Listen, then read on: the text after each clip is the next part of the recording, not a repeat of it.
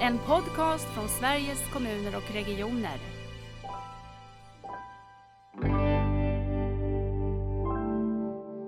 Att vi kan inte bara ställa krav, eh, utan vi måste också bidra. Så, så, så och hur kan vi göra det? Hur kan vi mötas?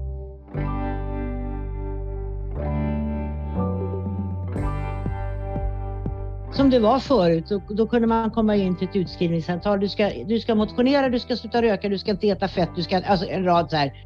Och det man, liksom bara, man såg ju hur människor blev trötta.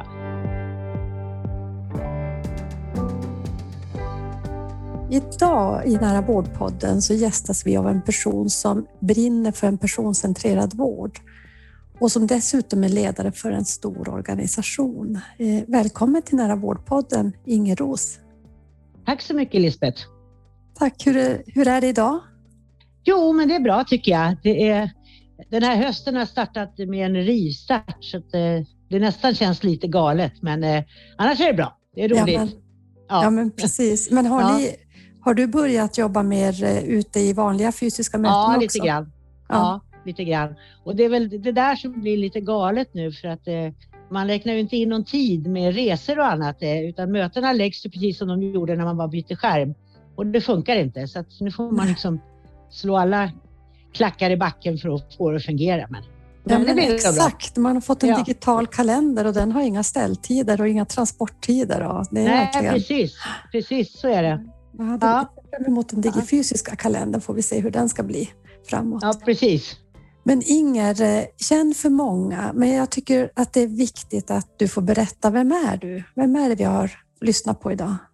Mm, jag heter alltså då Inger Ros, jag är ordförande i Riksförbundet Hjärt-Lung eh, och det har jag varit sedan 2010 och jag har varit den första kvinnliga ordföranden eh, i en 80-årig organisation.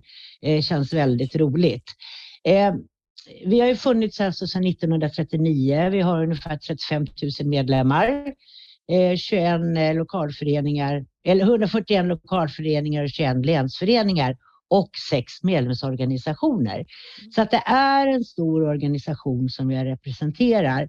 Eh, dessutom som du sa brinner jag för personcentrerad vård och jag har en del uppdrag kopplade till det. Jag sitter i GPCC som är Centrum för personcentrerad vård vid Göteborgs universitet i deras personråd.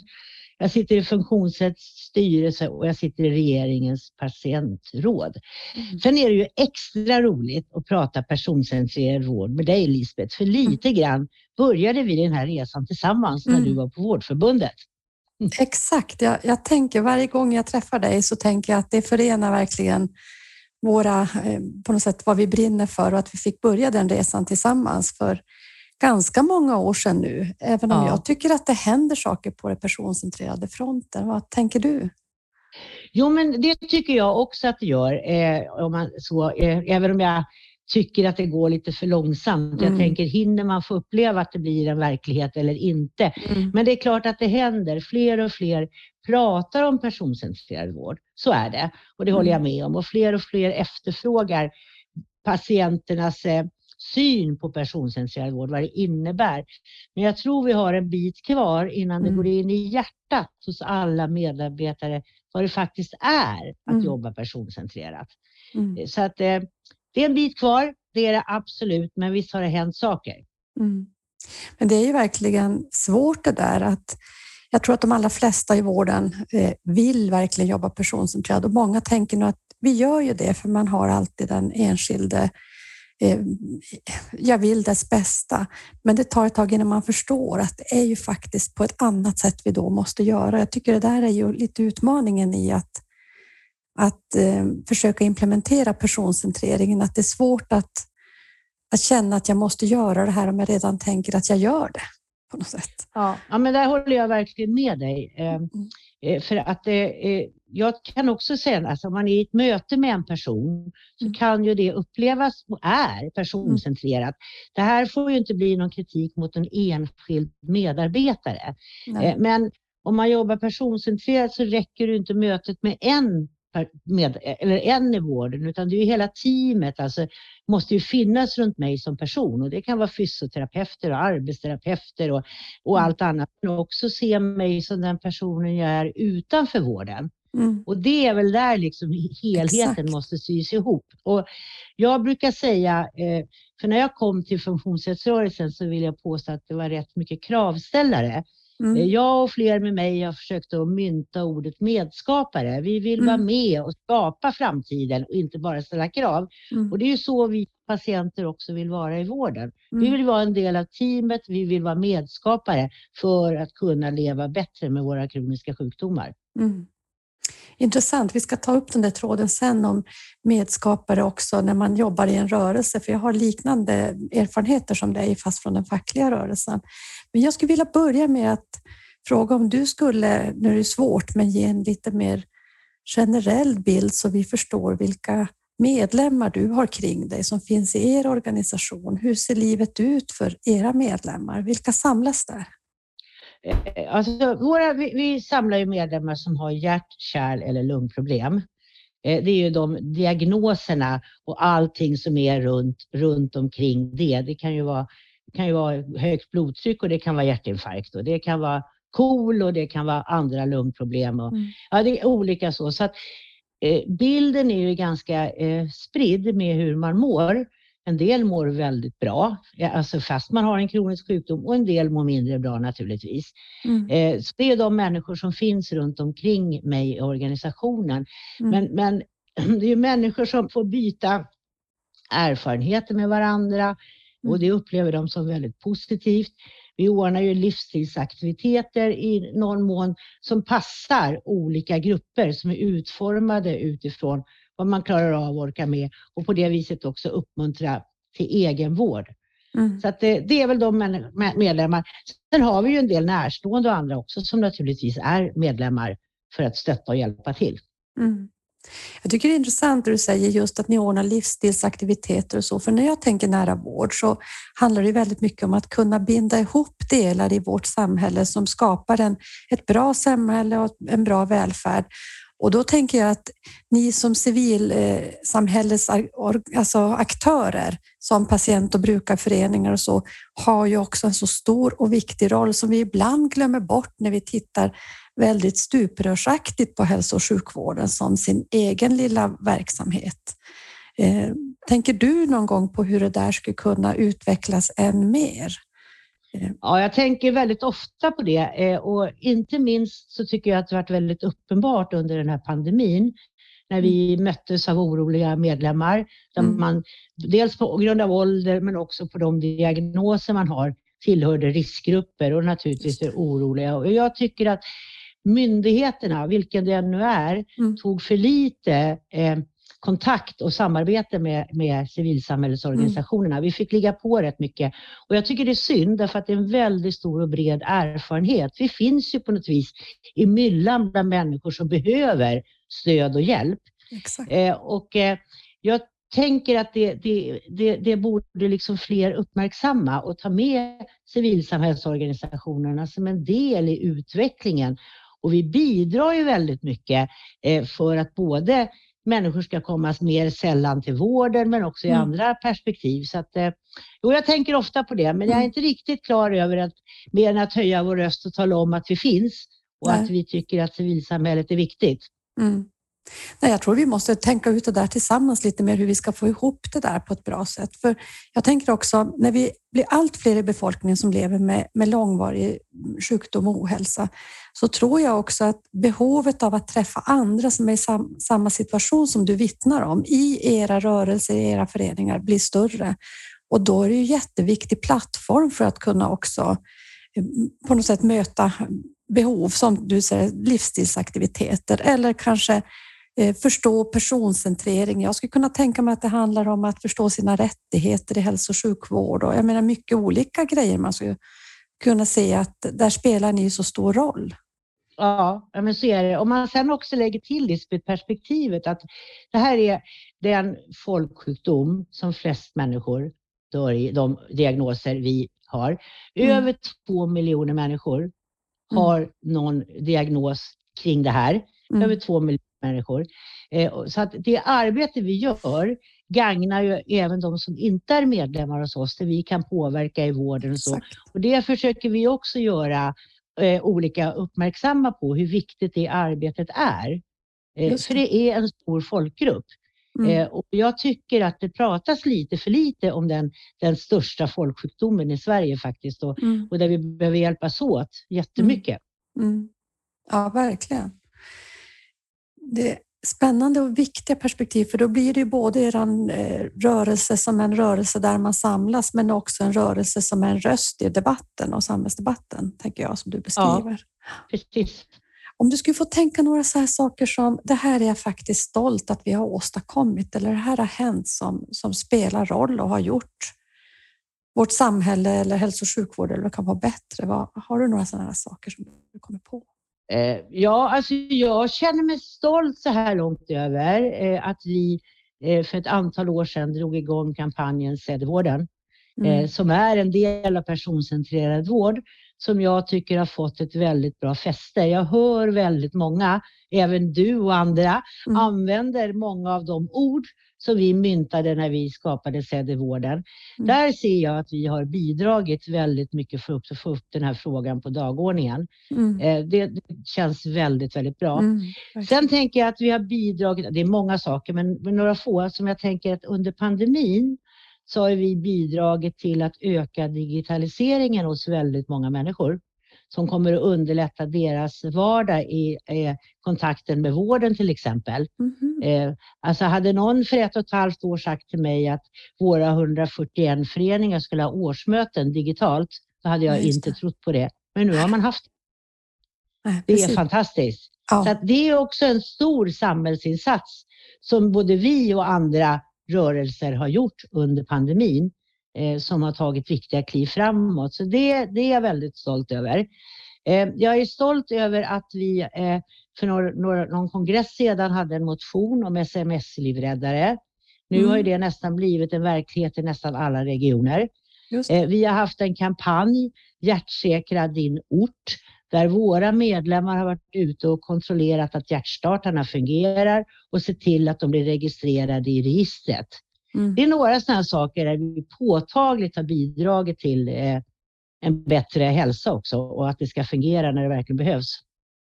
Jag tänker också det, på tal om ledarskap, för du är också en ledare för en stor organisation, hur viktigt det är att kunna vara i de stora frågorna som ofta tar lång tid och, och är komplexa, men också att kunna säga här har vi kvitton på saker som har hänt. Att man behöver ha båda de där sakerna och att det spelar roll att engagera sig. Ja, men det gör ju det. Alltså, som till exempel också, vi utbildar ungefär 3000 hjärt-lungräddare per år. Eh, mm. utom under pandemin nu, vilken insats det är att kunna jobba med att lära människor hjärt-lungräddning. Det behöver var och en kunna och man mm. behöver också återupprepa det.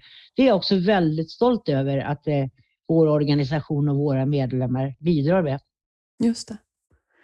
Ja, verkligen. Det är konkret och så livs, livsviktigt på ordets rätta bemärkelse. Mm. Jag tänkte på det du sa om digitalisering, för det tycker jag är spännande. Man, många summerar ju nu pandemin som vi hoppas att börja klinga av och få ett slut nu, som också är ett stort språng i vår digitalisering. Och då tänker jag att man tänker ofta in i organisationen, men jag tycker det du säger, det, det stärker också mig i att ja, men det är ju vi invånare som också blivit mer digitala. Det är inte om ja. organisationen vill vara kvar i det eller inte, för vi vill också kunna få kanske möta hälso och sjukvård till exempel eller ha andra möten digitalt, för vi har eh, sett att vi klarar det och sett att till vissa saker så är det faktiskt väldigt bra, för det kan komma nära, på tal om nära vård. Jag tycker det var ett spännande perspektiv. Mm. Men det är ju viktigt, alltså hela samhället kommer ju så snart, snart bli digitaliserat på väldigt många sätt. Jag tror inte det dröjer så länge till vi inte har bankkort och grejer längre. Det går med en himla fart nu. Ja. Eh, men jag har själv idag, det tog fem minuter, haft kontakt med vården, eh, ett digitalt möte bara för att stämma av en grej. Det tog fem ja. minuter. Eh, innan pandemin så tog ett sådant besök kanske två och en halv timme. Exakt. Det är ju fantastiska, Det skulle man ju vilja, på tal om hur räknar man fram eh, effekter? Så tänker man ja. vilken effekt i livskvalitet? För jag gissar att du hade fått resa fram och tillbaka och missat kanske viktiga möten på jobbet eller en poddinspelning ja. med Nära vårdpodden ja, eller, eller något. eller Eller, men också att eh, ja, du kan vara yrkesverksam under den tiden. Det är fantastiska eh, saker som vi egentligen inte, vi bara tar för givna och inte räknar in i de här nya sätten. Att det blir icke-tid som vi på något sätt spenderar i vård. Ja, men det är otroligt alltså. Och sen, sen är det väl ändå så eh, att eh, i vissa fall så behöver man naturligtvis träffas fysiskt. Ja. Men det där är ju liksom en kombination nu utav det nya normala som är digitalt och fysiskt ja. tror jag kommer bli en, en, fantastisk utveckling för de enskilda individerna. Och jag hoppas också att man upplever det i vården. Mm. Där behöver ju naturligtvis också vården stöd, för vi mm. har ju inte tillräckligt bra IT-system idag för att de ska fungera så som vi, vi vill att en personcentrering ska vara. Men det är också något vi får hjälpas åt att trycka på. Eh, så, att, eh, så, ja, så tror jag att det här kommer bli jättebra precis. Ja, men jag, jag tänker att det här språnget som nu ska behållas handlar om det du säger, att då behöver vi också växla upp vår förmåga att använda Eh, de här digitala verktygen på ett smidigt sätt, men också mellan olika stuprör eftersom vi behöver bygga mycket mer av sammanhangen än enskilda insatser styckevis.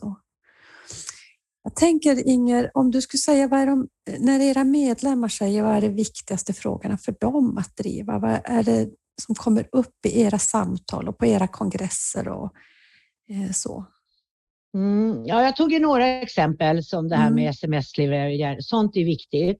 Mm. Sen är det självklart så att, att eh, våra medlemmar är väldigt glada när vi sitter med i kunskapsstyrning eller i nationella riktlinjer eh, eller annat för att förbättra deras diagnoser, när vi stödjer forskningsprojekt som utvecklar deras det. Det är naturligtvis viktigt, men den frågan som kommer upp mest på dagordningen. Det är ju den frågan vi brottas med och det är organisation, struktur, bemötande och tillgänglighet. Mm. Det är det man upplever som besvärligast. Man upplever sig som budbärare i vården. Mm. Att man får springa i olika delar, att man får göra samma sak flera gånger, att det inte samordnas. Det är nog den frågan som är, är tar mest, kommer upp mest. Att vården fungerar inte. Och det är ju det som alla alltså nationella utredningar mm. visar. Vi är ju inte bäst i Sverige där. Och det Nej. speglar vår medlemsgrupp också. Mm. Ja, det är ju eh, jätteviktigt att vi verkligen orkar ha fokus på de frågorna, att det faktiskt eh, händer någonting kring det du säger. Samordningen, kontinuiteten, bemötandet. Kommer ni att eh, fortsätta på något sätt med SED i vården? Är det fortfarande, gör ni den fortfarande? Och hur, ja. mm. det, den kommer att ligga som en liksom eh, kappa över all, allting vi gör så finns eh, personcentrerad vård med. Mm. Vi håller nu på att förbereda lite grann vilka frågor ska vi lyfta fram inför valet och påverka politiken med. Då kommer den här frågan ligga med i mm. ett paket över att också två miljoner människor lever med hjärt-, kärl och lungsjukdomar och sen får vi se hur vi formerar det. Men personcentrerad vård ligger alltid där som en kappa. Eh, och det har också varit min uppmaning till hela organisationen att eh, när vi börjar bli trötta på en kampanj, mm. då möjligen börjar det ta lite fäste. Så vi får aldrig tröttna, utan den här kampanjen måste finnas kvar. Men precis. Man känner sig själv... Ja. ja, men du som jobbar med det och jag rätt mycket, så ibland ja. känner man hur många gånger har jag sagt personcentrerad vård? Men, ja. eh, men det behövs. Ja, verkligen. Man behöver inte, jag tänkte fråga dig också vad, vad du vill eh, driva allra mest och jag känner ju att eh, det, det hör jag ju och det vet jag ju handlar mycket om den personcentrerade vården. Vad, skulle du säga något mer som du tänker är viktigt just för, för din drivkraft i ditt ledarskap? Alltså det här är den övergripande viktigaste frågan eh, faktiskt för, för min drivkraft. Därför att jag tror så mycket på den. Eh, mm. Jag tror att får den fäste ordentligt så kommer varenda människa som besöker vården uppleva en bättre livskvalitet. Mm. Och jag tror faktiskt också att när personalen får förutsättningar att jobba i team och ser så kommer de också uppleva fördelar. Mm. Och så tror jag faktiskt att det är samhällsekonomiskt också. Mm. Så att jag, jag, det är ju en drivkraft som får liksom hela paketet att gå ihop mm. naturligtvis. Mm. Sen är ju min drivkraft det jag sa tidigare, att vi har medlemmar som utbildar, som hjälper till, som ser till att vi kan hjälpa andra människor i nöd som får svåra sjukdomar. Det är naturligtvis också en drivkraft. Mm. mm. Ja, eh, jag tänker också det du säger kring personcentreringen och alla de effekter man kan se. Jag tycker att det är få saker som som eh, jag kan inte se något annat faktiskt i, i min, eh, mitt yrkesliv som förenar så bra de här delarna som ofta annars kan upplevas stå emot varandra. En mer eh, bra sätt att använda resurser på och en bättre kvalitet. Där tycker jag att personcentreringen Eh, också hjälper oss att få mer nöjda medarbetare som du säger. För det är roligare att jobba på det sättet tillsammans med andra och tillsammans med den som behöver tjänsterna, alltså patienten och dess närstående personerna. Men också att det ger också bra effekter när vi tittar på hur vi använder resurser i systemet. Jag tycker så mycket vinn-vinn så att det är så härligt på det sättet att få vara i de frågorna. Mm. Ja, men det är ju det. Och en sån där drivkraft, men den ingår ju också i personcentrerad vård som, som jag har. Det är ju att jag har en, en, en eh, alltså, inte, vården kan inte göra allt för att hjälpa en person mm. som är sjuk. Vården kan göra sitt, men jag har ett eget ansvar också och att vi också till våra medlemmar talar om att men du har också ett ansvar och det är tillsammans vi ska göra det här. Så att den här delen i egenvården och att man större delen av tiden är utanför vården och ska leva med sig, det är också en drivkraft. Mm. Vi har ju pratat om rehabilitering och det mm. står ju liksom i vården för, men jag tycker också drivkraften att jag måste kunna bidra själv. Det är mm. också en sån här drivkraft för att få en helhet. Precis. Och det där tänker jag att det handlar ju inte om att stjälpa över massor i knät på någon, utan vi vill ju också som människor få vara självständiga. Att kunna bidra, att kunna få vara. Det är få människor som vill bli helt beroende av andra. Så jag tänker att det finns någonting i det där också som är viktigt och att ni vågar säga det som patientorganisation också. Jag tror också att det är viktigt. Sen är det naturligtvis viktigt också att trycka på att den måste vara individuell. För jag menar, du och jag kan få en hjärtinfarkt båda två och ha helt olika förutsättningar att ta hand om det. Det beror ju lite grann på hur livet runt omkring oss ser ut. Vad kommer vi hem till? Vad var orsakerna till att vi fick det? Vad är det vi, alltså, så att den måste ju vara individuell om den ska bli också eh, alltså, påtaglig för den enskilda mm. individen. Mm. Så mm. får det inte vara sådana här generella begrepp som, som det var förut. Då, då kunde man komma in till ett utskrivningssamtal. Du ska, du ska motionera, du ska sluta röka, du ska inte äta fett, du ska, alltså en rad så här och man, liksom bara, man såg hur människor blev trötta. Mm. Men om man utgick ifrån hur lever du, vad lever du för liv och hur ser ditt liv ut och hur har du omkring dig och vad tror du att du klarar av? Mm. Då blir det liksom, tror jag, mycket lättare att få människor att göra det här. Mm. Och då kommer man upptäcka att jag har ett större livsval och jag mår bättre. Allt, alla de fördelar som jag tror att man upptäcker då. Mm, exakt. Om du tänker då på nära vård, vad, vad, är det för dig? Den omställning av hälso och sjukvården som pågår. Vad tänker du när du tänker nära vård?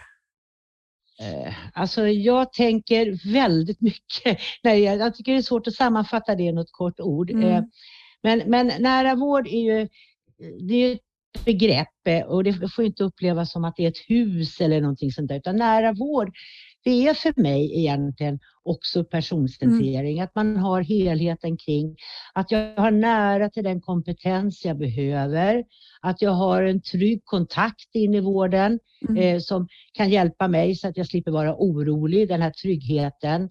Eh, att det också för dem som behöver hemtjänst finns en naturlig övergång och kontakt däremellan. Mm. Det är nära för mig. Så att det mm. är flera bitar. Det är liksom Sen är det ju, säger man ju att primärvården måste växa. Ja, det är riktigt, men det är mm. inte bara primärvård, utan nära vård är liksom mer. Och jag kan till och med tycka att nära vård är om jag behöver åka en bit, men jag får rätt kompetens. Mm. Så Just kan det. det också vara nära vård. Det beror på hur man liksom ser det. Men, men, mm. men det är ju det. Eh, och framför allt det här att någon håller ihop med vård, så jag inte mm. behöver fara som en skållad råtta och leta själv. Nej. En trygg kontakt. Nej, men jag tänker också, för mig har det blivit väldigt mycket och det, har man lyssnat på och så kommer man, har jag sett att många av de som jag får träffa där pratar just om det här trygg som du sa nu. Att det, det handlar också om att bygga ett system som hänger ihop och som skapar också trygghet för den enskilde. Mm. Och jag tycker också att det handlar så mycket om personcentrering. Men jag tänker så här, praktiskt, om man nu finns ute i, man lyssnar på det här och så finns man ute i en region eller en kommun och, och tänker att vi skulle gärna vilja jobba tillsammans med hjärt-lung i de här förändringarna av den nära vården. Hur, hur hittar man er? Kan man hitta er regionalt? Ehm. Ja, vi finns, ju, vi finns ju 21 län. I alla län har vi en länsorganisation. Mm. Eh, och sen har vi lokalavdelningar, inte exakt på alla orter, men vi har en läns, eh, eh länsförening i alla fall i varje län. Så där mm. kan man kontakta oss och höra av sig och jag vet ju att det pågår ett del, en del arbete mm. eh, och där vi också när det gäller personcentrerad vård ibland jobbar med andra organisationer också för det här är ju en sån här övergripande fråga som eh, eh, man kan prata om var man än är ordförande någonstans. Eh, så det kan man absolut göra och vi, vi försöker vara med och vi har ju också som organisationer nu eh, vilket jag tycker är en del i det här med att vara medskapare, så håller vi nu på att genomföra en patientföreträdarutbildning, eller ska starta den nu i höst, för olika medlemmar i våra förbund. Därför att vi räcker inte till till det vi vill bidra med och vi behöver bli fler. Eh, det är ju lite lätt, det ska jag ändå ärligt säga, att det är lätt att man om man sitter i något patientråd så att man pratar om sin diagnos. Det är mm. inte det vi efter, utan vi är ute efter patientföreträdare som kan prata om just de här helhetsfrågorna, strukturfrågorna och det som människor verkligen upplever vara viktigt. Tillgänglighet och bemötande och kontinuitet.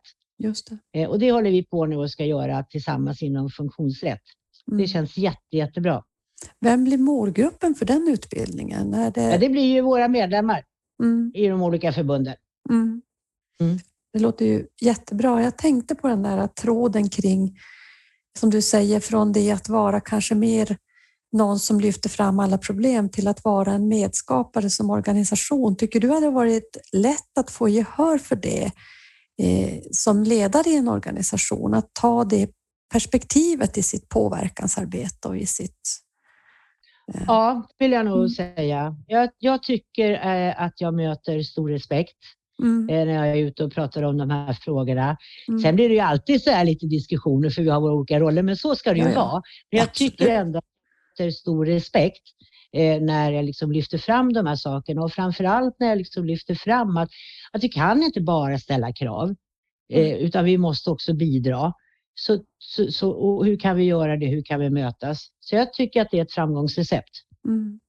Jag skulle säga att jag, jag, relaterar mycket till min tid när jag var i fackföreningsrörelsen som också är en civilsamhällesrörelse. Att, att jag kunde se att vi får ju mycket större effekter om vi kan lämna på något sätt vårt eget inifrån perspektiv och också bry oss om frågorna och vara lösningsorienterade. Så jag tänker det finns någonting och det tror jag är en del av vår, vårt samhälle idag, att det handlar mer om att hitta relationerna och försöka bidra det tror jag man har stor vinning av. Det är min erfarenhet eh, som ledare. Sen tycker jag att det finns olika syn på det där och inte alltid, jag möttes inte alltid av att det var enkelt och så. Eh, men, eh, och man måste skilja på sina roller och det får man ha respekt för. Och sånt. Men jag tycker det är spännande att ni tar den och, och gör den här utbildningen nu också. Mm. Eh. Ja, men det är klart att det inte alltid är enkelt. Så är det ju inte. Men jag tycker ändå att det i alla fall känns det väldigt bra i mitt hjärta mm. när jag kan det och känna att jag står för det. Mm. Att jag tycker att det är viktigt. Mm. Sen i vissa sammanhang så kan man ju tala om för de som är beslutsfattare att det här fungerar inte. Det gör ja, bara inte det, men det är också en roll. Men att ändå också kunna bidra mm. eh, och inte bara plocka, eller bara ska jag inte säga, men det är lätt att hamna i, i väldigt, väldigt små frågor på, till fel människor som de inte har möjlighet att påverka. Ja, det. det gäller ju också vilka ställen, var det är man pratar någonstans. Just det. Mm. Jag tänker på det här med omställningen till, eh, av vårt hälso och sjukvårdssystem, för jag tycker det är viktigt, precis det du säger, att det är ju hela systemet som ska ställa om och, och eh, det är ju också en långsiktig eh, förändring, mycket i kulturer. Personcentrering sitter ju också mycket i kultur och, och visserligen också i arbetssätt såklart. Har du några tankar kring hur vi orkar med att vara tillräckligt långsiktiga så vi inte ledsnar efter ett tag? Precis som vi pratade om att man tycker man sagt personcentrering så mycket så att nu eh, behöver man ta nästa fråga ungefär. Hur, hur håller vi ut? Alltså, det, jag vet inte om det finns någon genväg till att göra det utan jag tror att det bara handlar om att försöka eh, inse att förändring tar tid.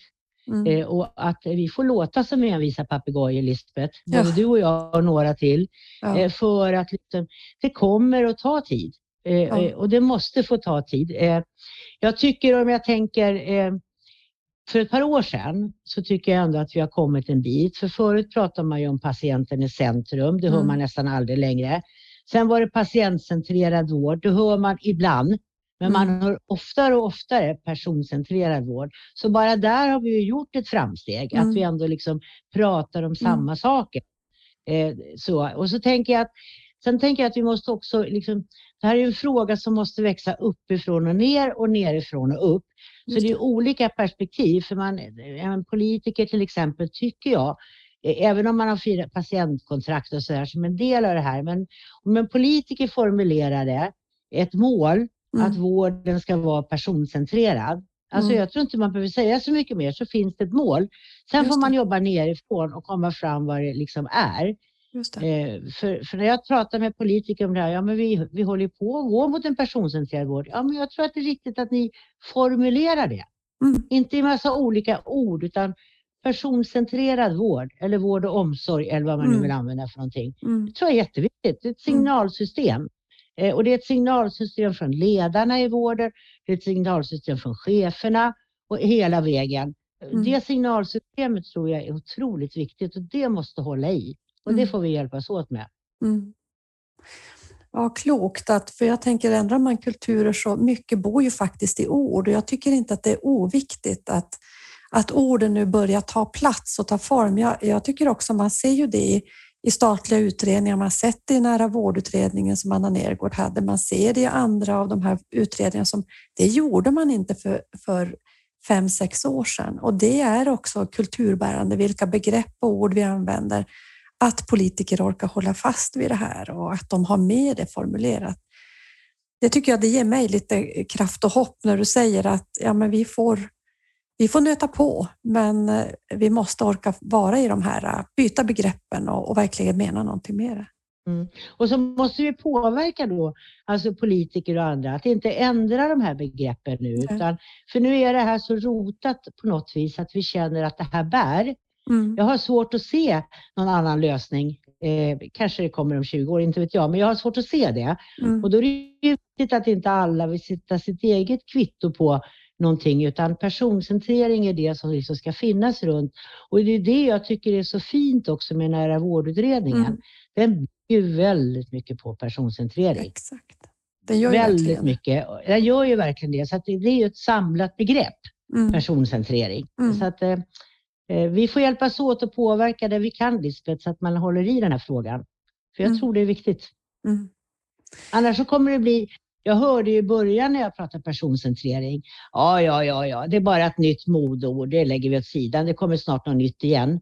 Eh, för att radera lite eh, med överdrift, men lite Mm. grann eh, så är det. Mm. Mm. Nej, det vill man ju verkligen, de de man har hört säga det vill man ju visa att så är det inte. Och jag tycker också att vi kan checka av att, eh, att vi ser det mer nu i allt, alla möjliga dokument. Vi hör det på ett annat sätt. Jag hoppas också att om något år att vi verkligen kan se att nu börjar det röra sig i de här viktiga delarna som handlar om att få vara en partner, att få trygghet, kontinuitet, tillgänglighet, att vi kan se rörelser i de delarna också. Mm, mm. Inger, vi ska börja avrunda, men är det någonting du inte har fått prata om?